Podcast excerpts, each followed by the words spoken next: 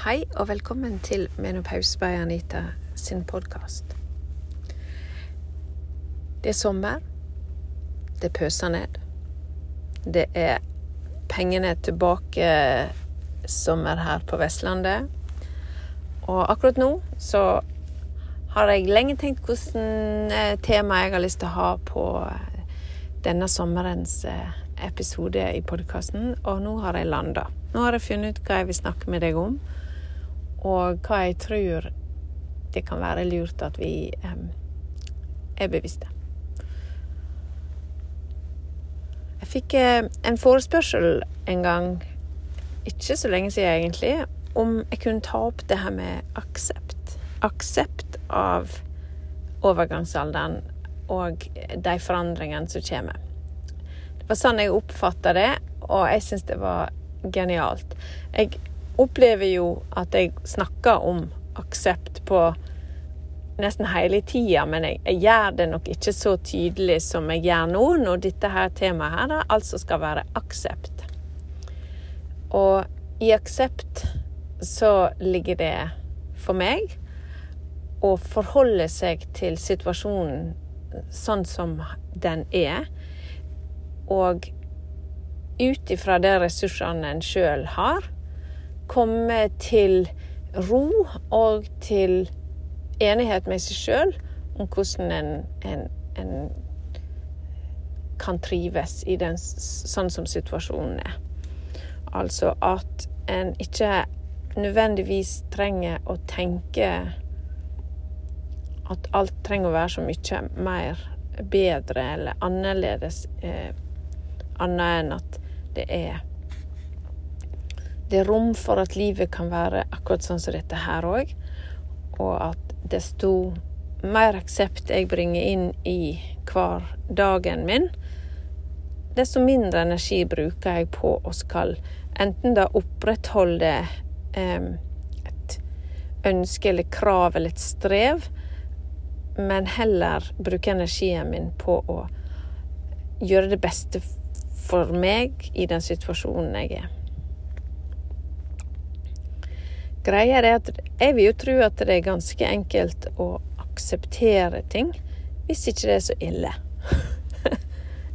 ja, eh, pardon my French, men eh, det er veldig enkelt når ting er bare litt utfordrende innimellom. For jeg veit ikke helt hvor hvor lett det nødvendigvis er å akseptere at du føler at livet ditt er så på kollisjonskurs med dine egne ønsker og dine egne forventninger og dine egne din egen helse, da tror jeg det er så lett å akseptere det. Og kanskje må jeg da skyte inn og si at jeg er ikke sikkert det handler om å akseptere det på en sånn måte at en ikke velger å gjøre noen ting med situasjonen, men at, at en faktisk velger å gripe det an på en måte som ikke handler om å nødvendigvis skulle prestere noe bedre, men å skulle gjøre så godt man kan med de forutsetningene en har.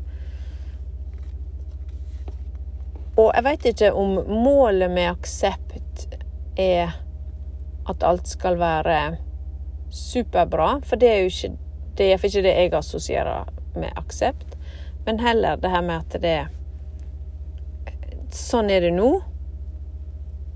Eh, og jeg kan gjøre disse tingene med det, eh, eller jeg kan la være. Og det er litt, det er litt i den retninga av at La meg få bruke energien min på det jeg kan gjøre noe med, og så lær meg å akseptere og la gå det jeg ikke kan forandre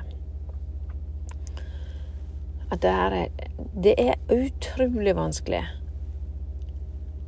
Jeg holdt på å si hvis du har funnet ut hvordan, så send meg en melding. Fordi Én ting er teorien, men å få det her til i praksis, det er ikke enkelt. Så jeg, jeg har full aksept for det. Så det er litt av det som vi skal komme innom. Hvordan, hvordan akseptere ting når det er vanskelig. Og hva er det overgangsalderen krever av oss når det kommer til aksept, sett fra mitt perspektiv? For jeg syns overgangsalderen gjør det. Jeg syns den Den eh, Den er som den der eh, ubudne gjesten som eh, ikke går. Som bare blir. Som flytter inn, og som du føler overtar livet ditt. Og nå generaliserer jeg, og nå overdriver jeg, vil nok en kanskje si. Men det får bli opp til den enkelte å føle om dette her treffer deg rett i levra, eller om det ikke gjør det. Men jeg, uansett så vil jeg jo tro at vi har alle litt å vinne på aksept. Fordi det gjelder jo I tillegg til overgangsalderen så gjelder det òg det her med å bli eldre. Eh, overgangsalderen markerer ofte et skille hos kvinner på Eh, ja, at aldringsprosessen går fortere. En, en, må streve og jobbe hardere for å opprettholde den samme muskelmassa, f.eks. En føler at kroppen forandrer seg uten at man har, har gjort noe særlig eh, ille. Det vil si, sant, en har gjerne trena sånn som en har gjort, en spiser det en har gjort før, men plutselig så er det tre kilo til, eller to kilo til, eller mye mer. Noen er jo ti kilo mer. Um, og så vet en ikke helt hva skjedde her. Eh, så det her med at vi er forskjellige, det, det er utgangspunktet. Vi er forskjellige, men at når vi går denne her endringa i møte, enten det er fysisk eller psykisk, for overgangsalderen påvirker oss både fysisk, psykisk og sosialt ja, da trenger vi energien vår til gode ting. Og vi trenger energien vår til å um, velge bra for oss sjøl.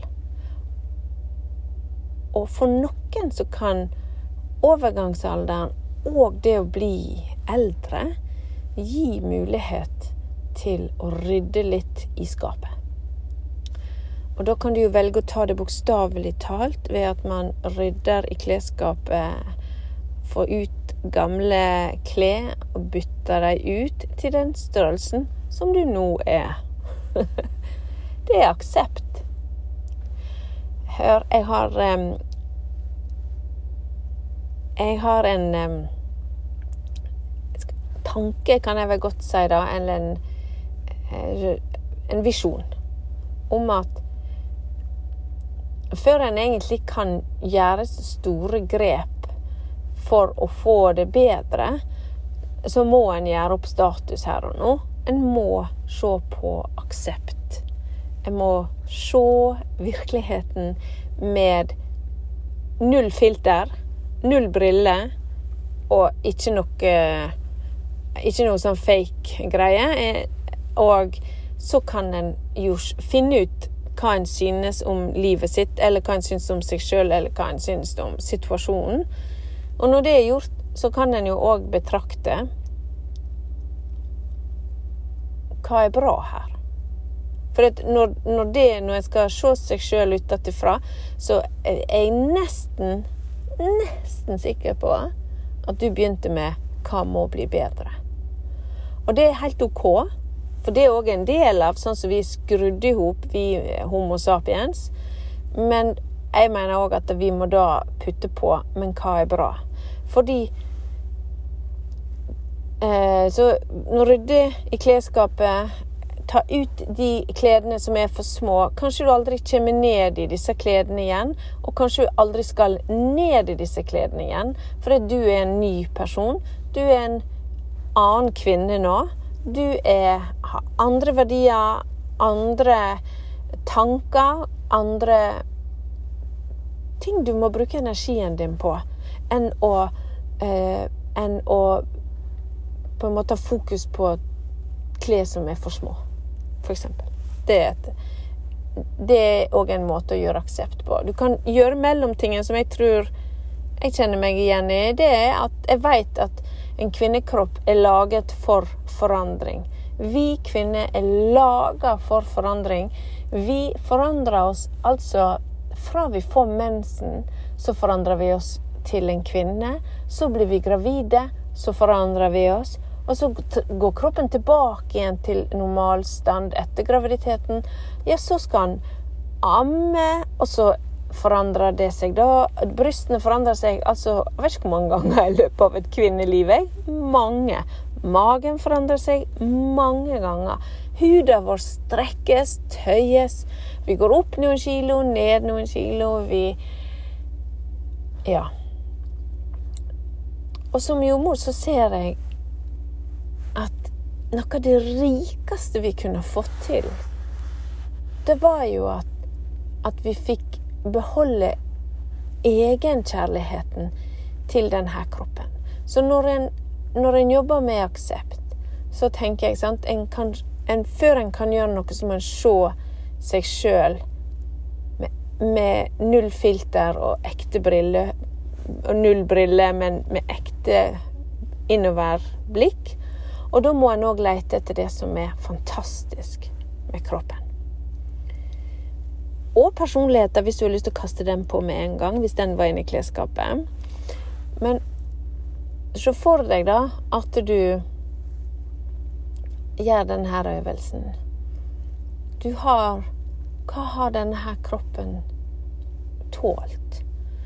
Hva har denne kroppen båret fram? Hvis du er en av de som har fått barn, så veit du prisen for å bære fram et nytt menneske.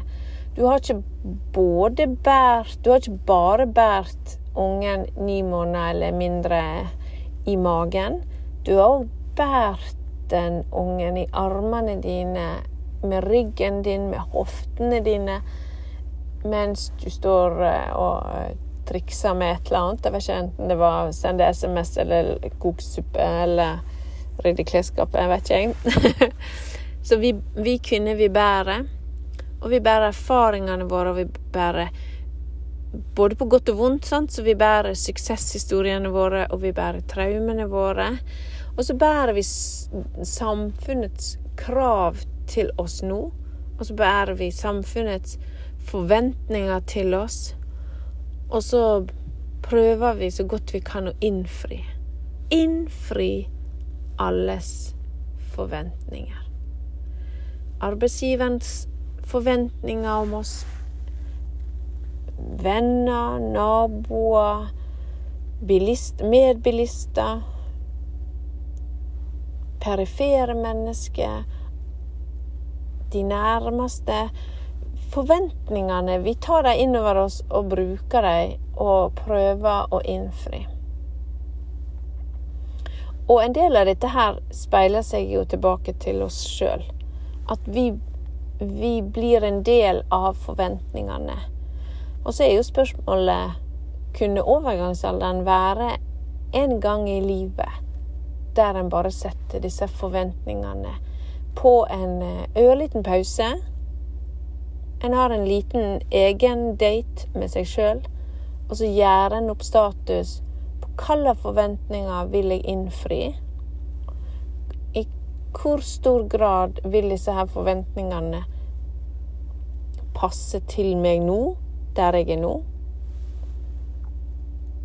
Og hvilke forventninger er jeg så klar på at jeg skal bare legge vekk? Det trenger ikke være noe drama i å legge vekk forventninger. Verken på den ene eller andre måten. Fordi ofte så kan en gjøre det, og så viste det seg at det var veldig lokalt hvor disse her forventningene hadde størst betydning. Altså at vi sjøl beholde verdien av forventningene i større grad enn de som er rundt. Jeg snakker selvfølgelig av egen erfaring. Jeg er jo en erfaren, klok kvinne. Og det er det mange overgangsalders kvinner trenger å ta inn over seg. Vi har gjort masse. Kroppen vår har forandra seg masse. Vi har båret frem og båret opp og båret bort. og kanskje er vi faktisk kommet i den delen av livet der vi òg nå driver og bærer foreldrene våre på en måte der der det alt det de har gitt, er noe vi nå kjenner at vi skal gi tilbake. Så da har vi den delen av skal jeg si, de nære relasjonene. At livet går i sirkel, og at vi nå, og at midt i livet, tilfeldigvis når man er i overgangsalderen kanskje, eller man i begynnelsen eller i slutten av overgangsalderen, så begynner foreldrene våre å bli eldre, så tar vi oss av dem òg. Og her hva forventninger har du til det for deg sjøl? Hvilke forventninger tror du foreldrene dine har? Kanskje har du til og med voksne barn som nå får barn, altså du blir bestemor. Og så kommer de forventningene i tillegg. Altså, bare jeg snakker om det, så blir jeg litt stressa, kjenner jeg. Um, sjuk mor har jeg hatt. Uh, sjuk far, ja. Barnebarn har jeg ennå ikke fått. Og OK, men tenk hvis jeg hadde hatt det. Uh, så Og så tenker jeg når overgangsalderen er på hell, sånn på de verste symptomene, og en kommer i postmenopause, og resten av livet handler om lave østrogen, og progesteron og testosteronnivåer, men en finner en måte å å, å, navigere gjennom det, så har en Så kan en være i den situasjonen at en har mange krav på seg der en kanskje burde fått lov å få ro og fred. Men livet er ikke sånn. Og en annen ting der er jo at vil vi ha ro og fred? Det er jo ikke sikkert at det nødvendigvis er en suksess. Det kan hende at nettopp det å få barnebarn blir den store gleden. Det blir den store, varme, gode bekreftelsen på ens egen eh, Skulle si at folk trenger en, at en, at en, at en, en får tilbake den kjærligheten som, som kun et barn kan gi en, en forelder eller en besteforelder. Um, sånn at det her med å, å, å, ta en kikk inn i hva kan komme, og hvordan har jeg lyst til å ha det når den tid kommer, det kan jo òg være en del av det her med aksept. At så nå er livet sånn som det her. Og i mitt tilfelle ikke barnebarn nå. Og da er det Ja, men OK. Så hva kan jeg gjøre i dag som jeg har frihet til? Som jeg kanskje vil velge å erstatte med tid med barnebarna når de en gang kommer. Og nå skal vi se hva jeg syns når den tid kommer. Da skal jeg høre på denne podkast-episoden. Da kommer jeg sikkert til å riste på hodet og si nei, men hallo. Du hadde helt rett, Anita. Det var akkurat det som var meninga med livet. Det var det å få barnebarn. Ja, vi får se. Så eh, holde den røde tråden for min del og for din del. At en, en, tar en status, en rydder ut av klesskapet, en bytter ut det som er for lite, og finner seg sjøl akkurat her og nå. Så kvinnekroppen er da nok en gang i forandring når det kommer til overgangsalderen. Hadde vi i vårt samfunn, og det er mye samfunnsprat, men det må det. Må det. det må det være. Hadde vi i vårt samfunn hatt større åpenhet og min, og mindre stillhet rundt overgangsalderen, så hadde det kanskje vært ganske mange flere kvinner som var forberedt. Som kvinner liker Jeg kjenner mange, jeg vil faktisk si flertallet, som ønsker å ha et snev av kontroll i livet sitt. Og er det én ting overgangsalderen ikke gir deg noe særlig mulighet for, så er det å kontrollere hva som skjer. Du, de, kroppen din eh, tar ikke hensyn til hva du måtte mene om å lage hetetokter eller dårlig søvn eller vondt i muskler og ledd, og, og hva slags visjon du har for livet ditt. Altså, det driter nå overgangsalderen i. Den gjør nå akkurat sånn som den vil. Så her har vi ikke kontroll, men vi kan ha kontroll over hvordan det føles, hvordan vi skal håndtere det. Og Hadde vi da hatt mer kunnskap, så hadde vi hatt flere redskap å, å ty til. Fordi det jeg tror veldig mange tenker når det kanskje kommer et snev av uro eller panikk over en fordi at uh, her er det altfor mange forandringer, og jeg kjenner ikke igjen meg sjøl, og jeg liker ikke den her jeg er. Jeg, dette sånn, Skal jeg ha det sånn for alltid? Disse spørsmålene der gjør ofte at en går i jeg, jeg, jeg må jeg må, nesten litt sånn, jeg må enten gjøre en revolusjon, jeg, jeg må skjerpe meg. Jeg må skjerpe meg. Dette er ikke godt nok, Anita. Eh, eventuelt gå til legen. Eh, fordi at eh, Liksom, fiks, fiks meg. Hjelp meg. Og det skal man gjøre. Vet du hva der er Jeg tror at det er en underdiagnostisering, underbehandling og i mange tilfeller en, en, en ubalanse imellom hvor mange kvinner som burde få hjelp eh, i form av medisinering. Eh, og, og, da tenker jeg på menopausal hormonterapi, selvfølgelig. Eh, det er nok av de som har fått antidepressiva mot symptomer som handler om overgangsalderen. Eh, og det vil nok etter hvert bli stadig mindre aktuelt, fordi at vi nå stadig mer får kunnskap om hormonterapi. Men det var en digresjon. Men clouet er da sant, at vi, vi, føler det er noe galt, og vi tyr til å få hjelp. Og hvis vi hadde hatt kunnskap i forkant, så kunne en kanskje enten ha kommet seg tidligere av gårde til å få hjelp, før man har vært sykemeldt for lenge, før man har på en måte latt dette gå helt kladeisen utover parforholdet, og man har skilt seg, og man har endt opp i en tilstand av at man ikke er, har det godt. Hvis man hadde kunnet tidligere forhindre den eh, den suppa av at en at en, en, forstår ikke helt hva som skjer, og her er det noe riv ruskende galt, og jeg må forandre på det jeg kan forandre på. Så altså, en prøver å ta kontrollen ved å finne, ved å finne eh, eksterne faktorer som kan påvirke. Hvis en istedenfor hadde hatt kunnskap, hadde hatt innsikt Jeg syns jo det ville være på sin plass at kvinner har med noe pauseforberedende kurs. Vi har, vi har fødselsforberedende kurs. Vi har foreldrekurs. Vi har Ja. Eh, du kan faktisk få sånn her eh, pensjonistkurs òg. Av disse her eh, KLP og disse her men den største hormonelle forandringen, lengste hormonelle forandringen i de fleste kvinners liv, det står vi helt uforberedt på. Det har vi ingen mulighet til å være forberedt på, med mindre noen tar ansvar og snakker høyt om overgangsalderen. Og der er jeg en av dem. Og du er forhåpentligvis Desto mer du hører på meg, så kommer du òg kanskje til å være en av de som snakker høyt. For dette, Revolusjonen handler om hva du sier til de venninne. Gjerne i fortrolighet, for all del, men du har planta frøet. Vi snakker om temaet, og det er det som er gull verdt.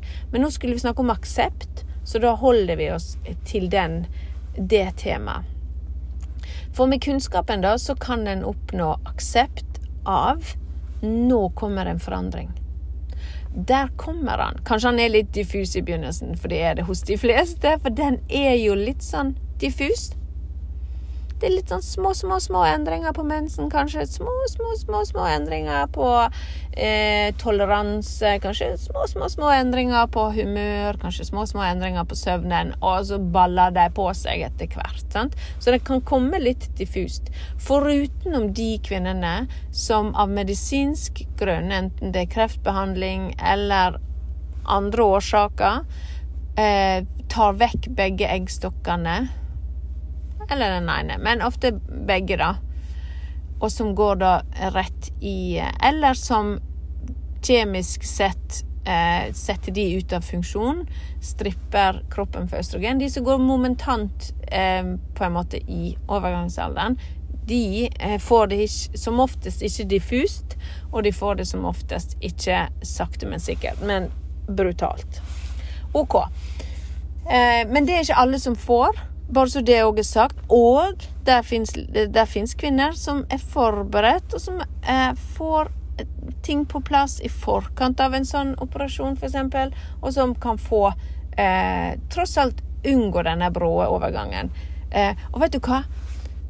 Nå ga jeg et eksempel på et av dilemmaene mine når jeg skal snakke om overgangsalderen. For det er litt sånn at jeg kan ikke si det ene uten å si det andre. For nå når jeg sa det med diffust, så Nei, vent, vent, vent. Jeg er nødt til å si at det gjelder ikke alle. Noen har det virkelig ikke diffust.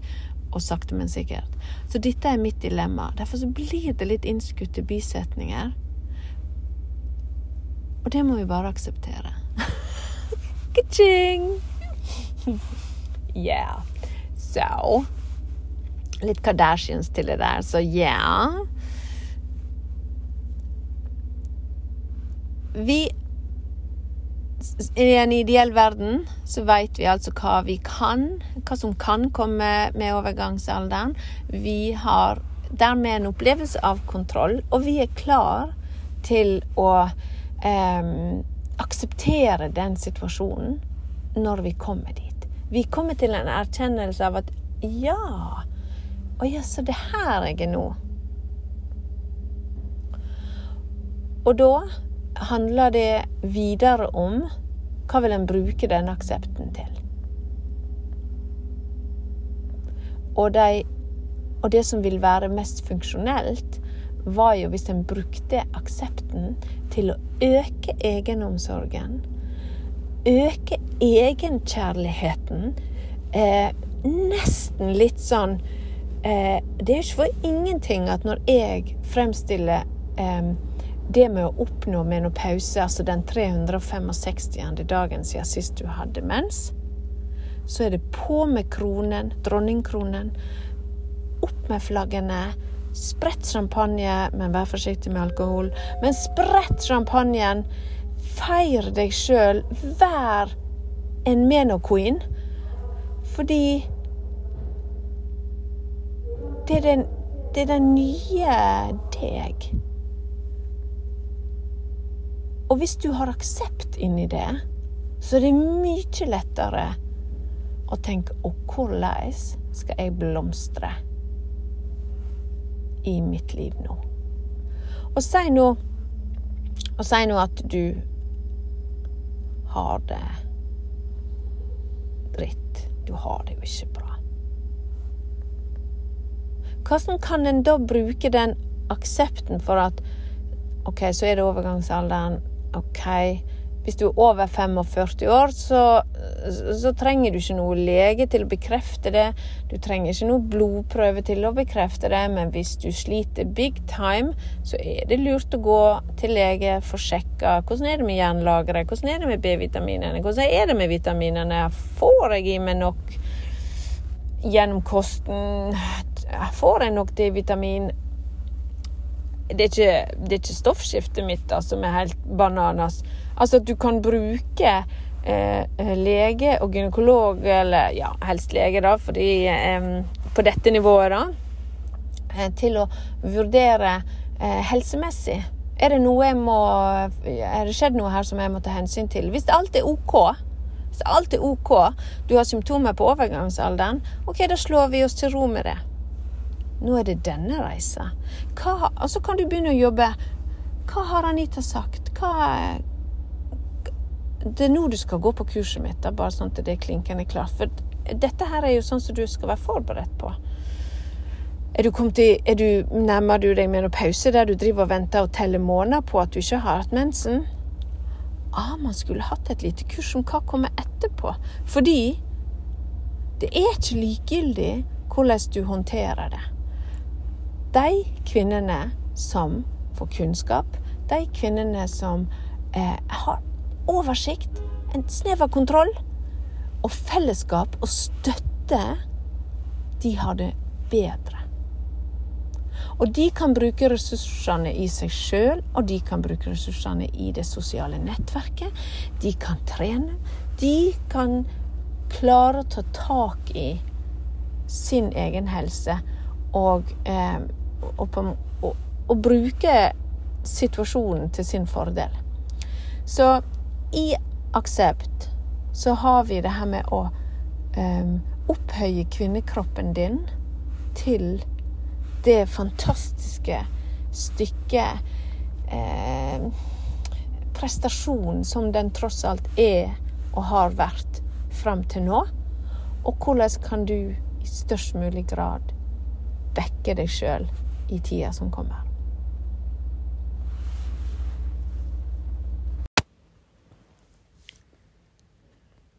Overgangsalderen er jo noe vi garantert 100 må forholde oss til.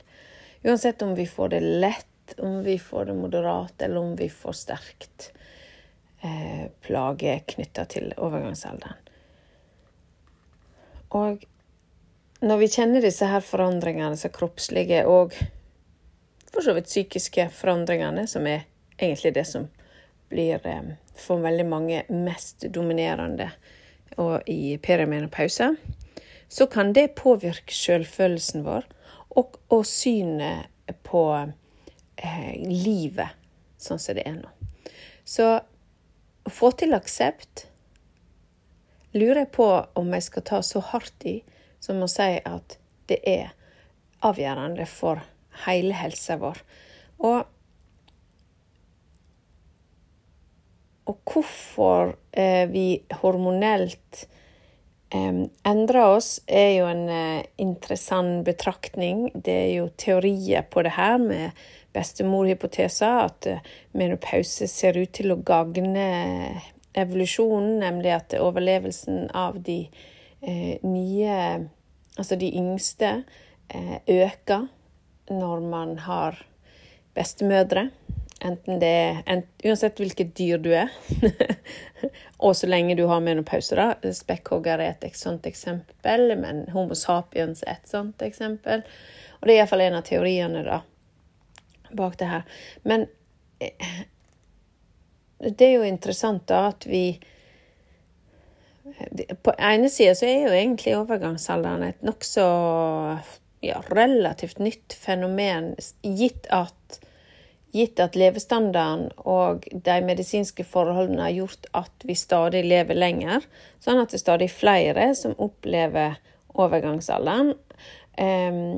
Det er jo ikke mer enn bare noen hundre år siden, kanskje 120 år siden, eller noe sånt, hvor gjennomsnittlig levealder var vesentlig lavere. Og ja, det kan jo være fordi at veldig mange spedbarn døde sånn at det drar ned snittet. Men allikevel så vet vi jo det. Det var hard belastning, det var lite medisiner, lite sykehus. Sånn at det var jo sannsynlig at den lave levealderen også kom av at de, mange opplevde sykdom eh, tidligere i livet som tok livet av dem, enn det gjøres i dag, da.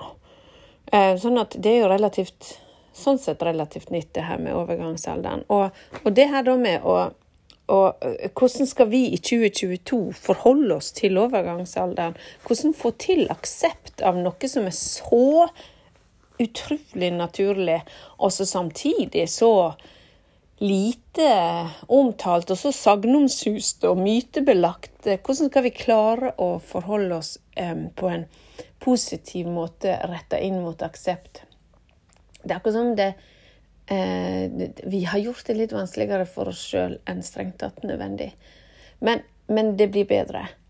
Så det var jo ikke poenget mitt, da, skulle svartmale det her. Men jeg tror at vi står foran nå eh, en forandring. Og forandringene kommer da både på individnivå, for jeg tror at vi kommer til å kreve mer kunnskap av oss sjøl, men av òg omgivelsene rundt, og vi kommer til å kreve mer muligheter til å ta, uh, bestemme sjøl hvordan vi skal ha det. Og hvis der er, der er noen element som jeg skal komme inn på nå, som handler om hvordan få til aksept. Og sjøl så har jeg sagt at den dypeste form for aksept eh, har jeg egentlig fått gjennom eh, mindfulness.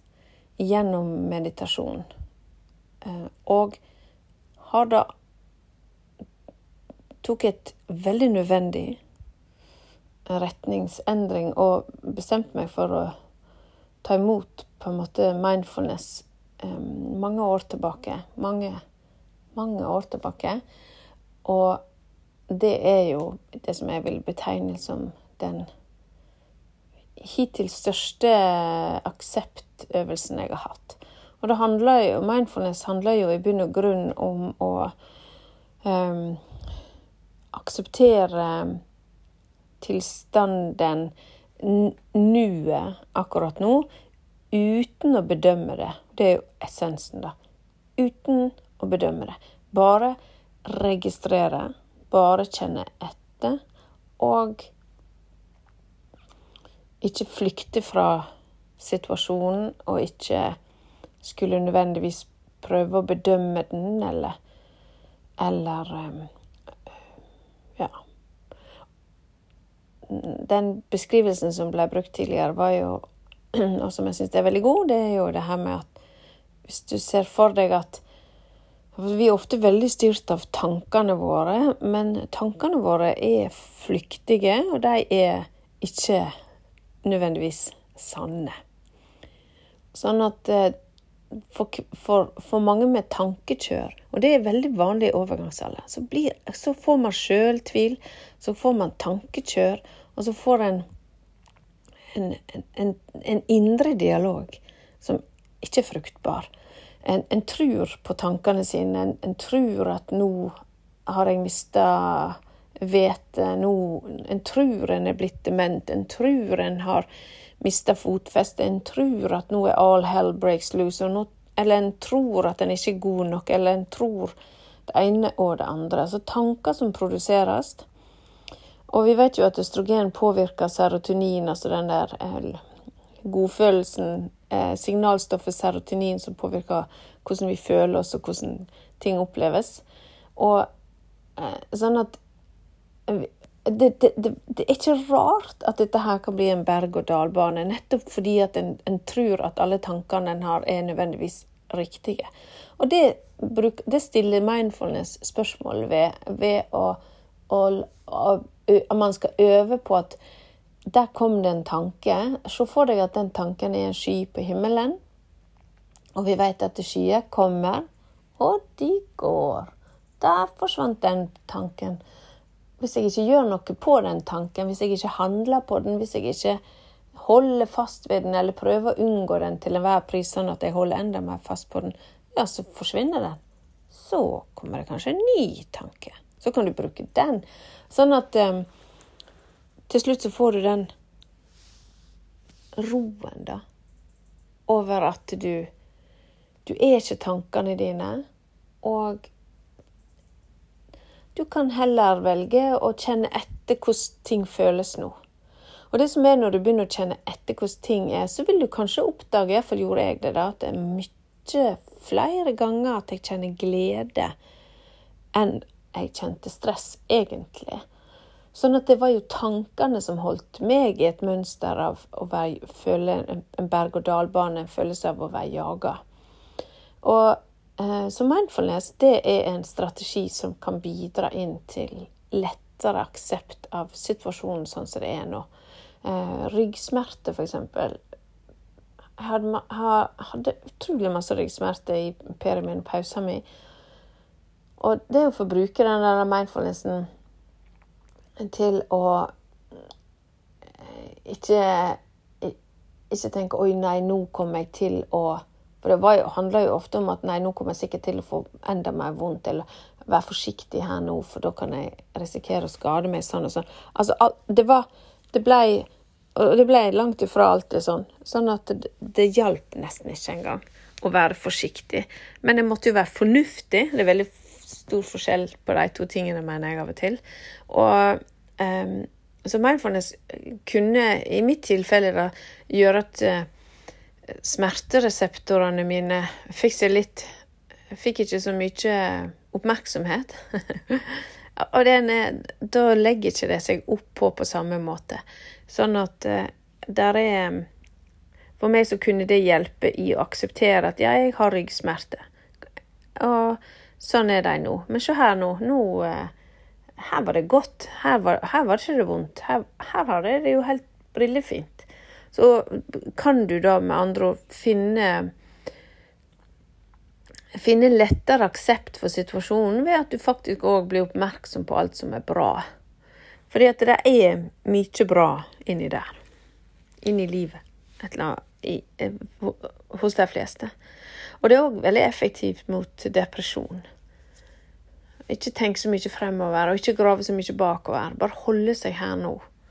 Når du pusser tenner, så puss tenner. Kjenn etter hvordan det kjennes ut når tannkosten møter tennene? Hvordan kjennes det ut i munnen? Er det, får du en smak av såpe? Hva, hva um, Oi, nå ble det masse skum her. Altså disse her her og nå.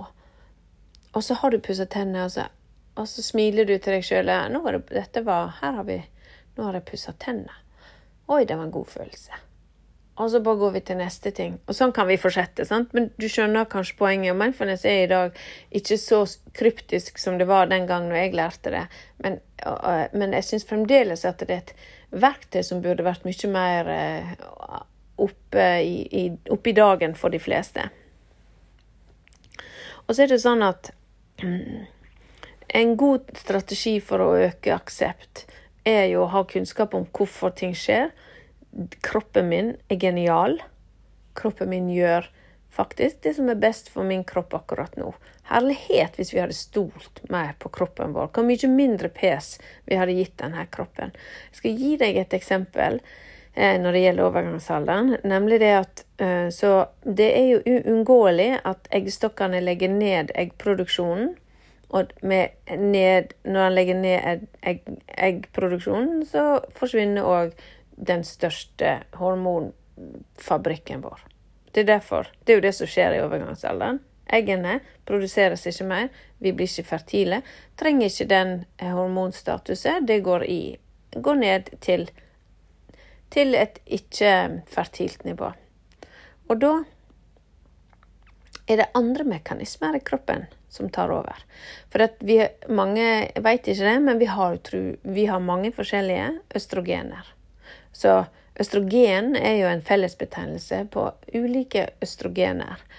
Og vi har et, et mindre potent Altså, det er ikke så effekt, det er ikke så effektivt i kroppen vår, ehm, østrogen, eh, som er f.eks. i perifert vev, som er i fettceller, som er særlig ja, som er tilgjengelig for oss, da. Eh, og som vi kan bruke til å ha som et lite lager av østrogen eh, til hverdagen. Men det, ligger, eh, det, har en tendens til å samle seg rundt magen. Og det er en forandring, kroppslig forandring, som vi kvinner ikke i vårt samfunn synes er noe digg i det hele tatt. Vi skal sylslank midje. Det skal ikke kunne gå an å se at vi har født barn, eller at vi er blitt litt eldre. Vi skal bare være smashing. Og du skal gå på all verdens torturkurer for dette når du skal trene deg blå, og du skal ditt og du skal datt. Eh, og hvis vi bruker aksept, så kunne vi jo heller få lov å, å bruke kroppen vår til å gå tur til å trene når vi trenger det, til å holde muskulatur i orden.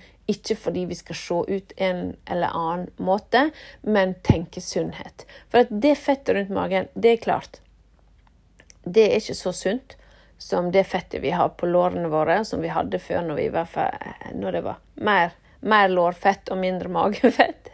Men eh, litt er ikke farlig, og litt er det altså det her lageret vårt med østrogen. Så hva hvis du tenker Si nå at du er en av de som har på seg noen få kilo i løpet av dette her eh, middelalderstyret. Hva hvis du tenker det er mitt østrogenlager? Det er mitt depot. Kunne det da være at man aksepterer det bedre, så på det litt annerledes, og kanskje ikke dømte oss sjøl så, eller deg sjøl eller meg sjøl, at ikke vi dømte oss sjøl så hardt fordi det kom noen kilo. Kroppen har en mekanisme. Prøver å fikse det. Tilbyr oss litt østrogen via fettvev rundt magen, Vi vil kanskje ikke ha det, men kanskje vi skulle ta imot det. Men det er jo det her med òg å tenke sunnhet. Men så finn denne balansen, da. Eh, og, men det betyr ikke at veldig veldig tynne kvinner ikke nødvendigvis ikke har det optimalt sånn eh, på det nivået. For dette det er i perifert vev òg, og det produseres litt, eh, litt eh, andre plasser òg. Men, men, eh, men, målet her er jo å tenke litt aksept. Tenke litt annerledes enn bare mainstream. Jeg har forandra meg, og dette er ikke bra.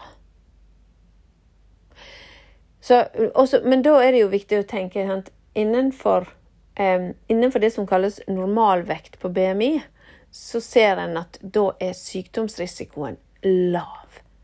Og da, det er ofte de som har lavest um, eh, Ja. Eh, det er en vekt som forebygger fremtidige sykdommer, og det trenger vi når vi kommer i menopause.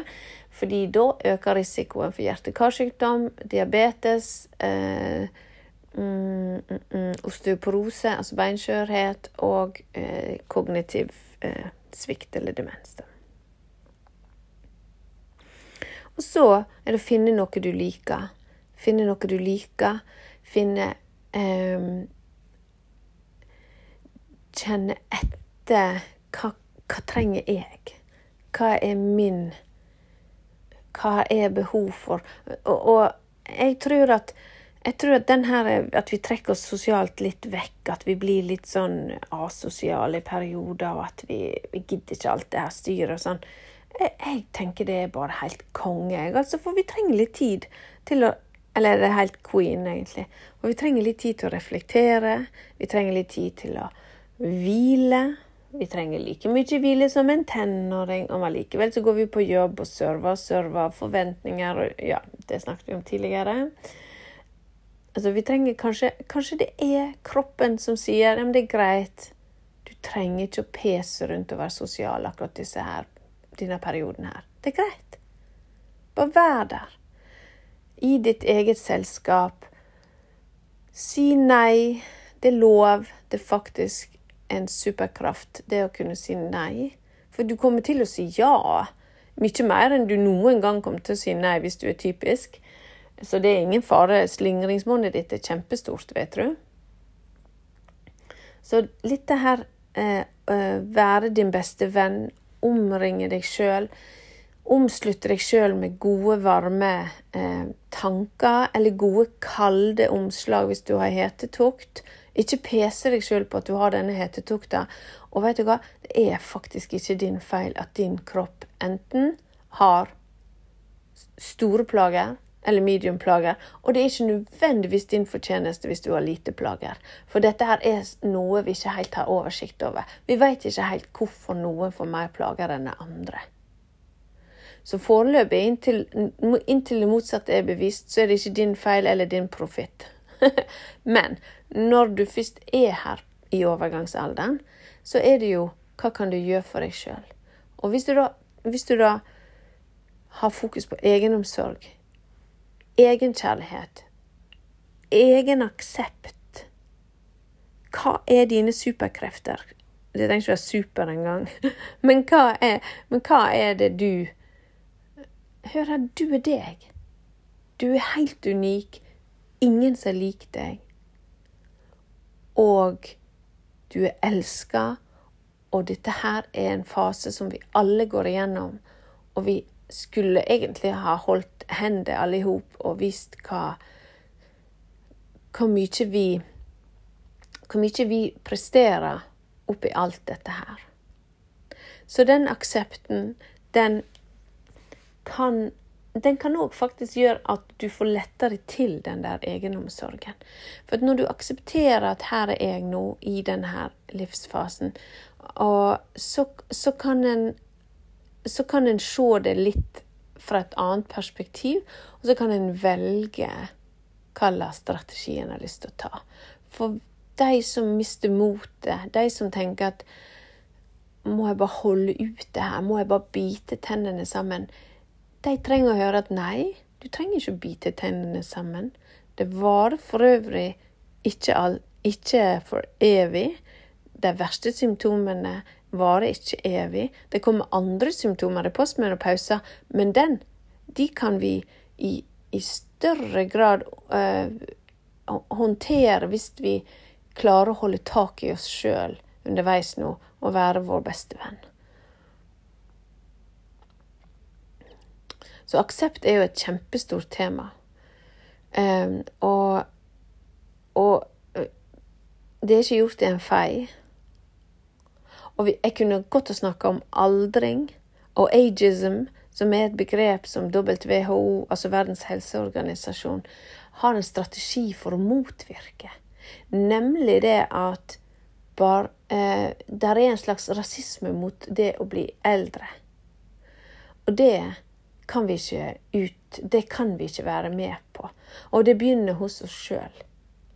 Så eh, det å snakke frem deg sjøl inn i deg, det å snakke frem eh, det å bli eldre, er en del av Verdens helseorganisasjon sin strategi motvirke ageism. kan vi utvide og si. Så du har Verdens helseorganisasjon i ryggen. Og meg. Menopause Anita, I got your back. Fordi eh, dette her er det som er essensen. Og det vil da kunne i Jeg tror at i den, i det videste I den videste form så vil en sånn aksept gjøre at du kan heller bruke energien din på det du har lyst til. Plutselig merker du at det, å, kanskje jeg orker litt mer i dag. Jeg går i dag for at jeg orker det. I dag er jeg Og, og, og der skal språket vårt få 30 sekunder. Fordi at nå brukte jeg faktisk et ord som jeg ikke sjøl er enig i. For nå orker jeg. Vet du at Hvis vi bytter ut ordene ork, sliten um, uh, Ja, jeg kommer ikke på noen andre negative ord akkurat nå, men du vet det når du hører dem. Hvis du hadde bytta ut dem er en følelse sånn har jeg det nå, så kan du bytte det ut med hva du trenger.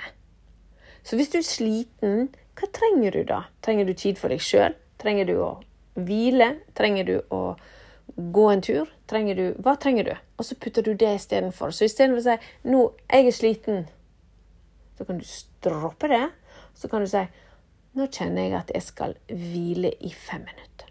Jeg trenger å hvile. Og nå er jeg så urolig Der kom det et ord. Ja, jeg er så urolig. Å, jeg er så stressa. Så kan du si ja, nå trenger jeg å gå. Jeg trenger å gå. Kroppen min trenger å bevege seg rolig. Du kan si um, um, når, du, når, du, tenker å, jeg er så elendig med kosthold. Å, hvorfor er jeg så dårlig? Så kan du si jeg trenger å spise noe sunt i dag, kjenner jeg. Vet du hva, jeg tar meg en appelsin.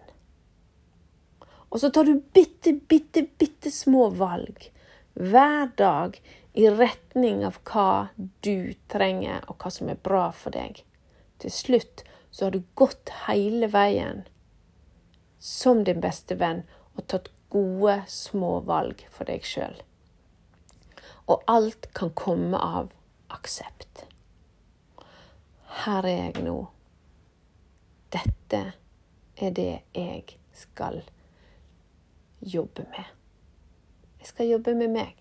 Jeg skal leve mitt liv sånn som jeg har lyst til å leve det. Ikke sånn som naboen gjør det. Ikke sånn som mamma vil jeg skal gjøre. Ikke sånn som tante vil jeg skal gjøre. Ikke sånn som ungene vil. Jeg skal leve det sånn som jeg vil. Og da må jeg akseptere meg sjøl 100% livet mitt 100 kroppen min 100% og så vil den The rest will follow. Så, så det ble plutselig en uh, Free yourself and the rest will follow. Det ble plutselig en veldig powerful sang uh, som poppet ut av munnen min, og da er det perfekt å slutte av med det. Så free yourself for alt dette her. Um, andre, gå for aksept. Gi aksept til dine medsøstre i form av eh, klapp på skuldra og heiarop, eller bare vær for deg sjøl og gjøre akkurat det samme. Så take care. Øk egenomsorgen. Vær din beste venn, og I got your back. Ha det!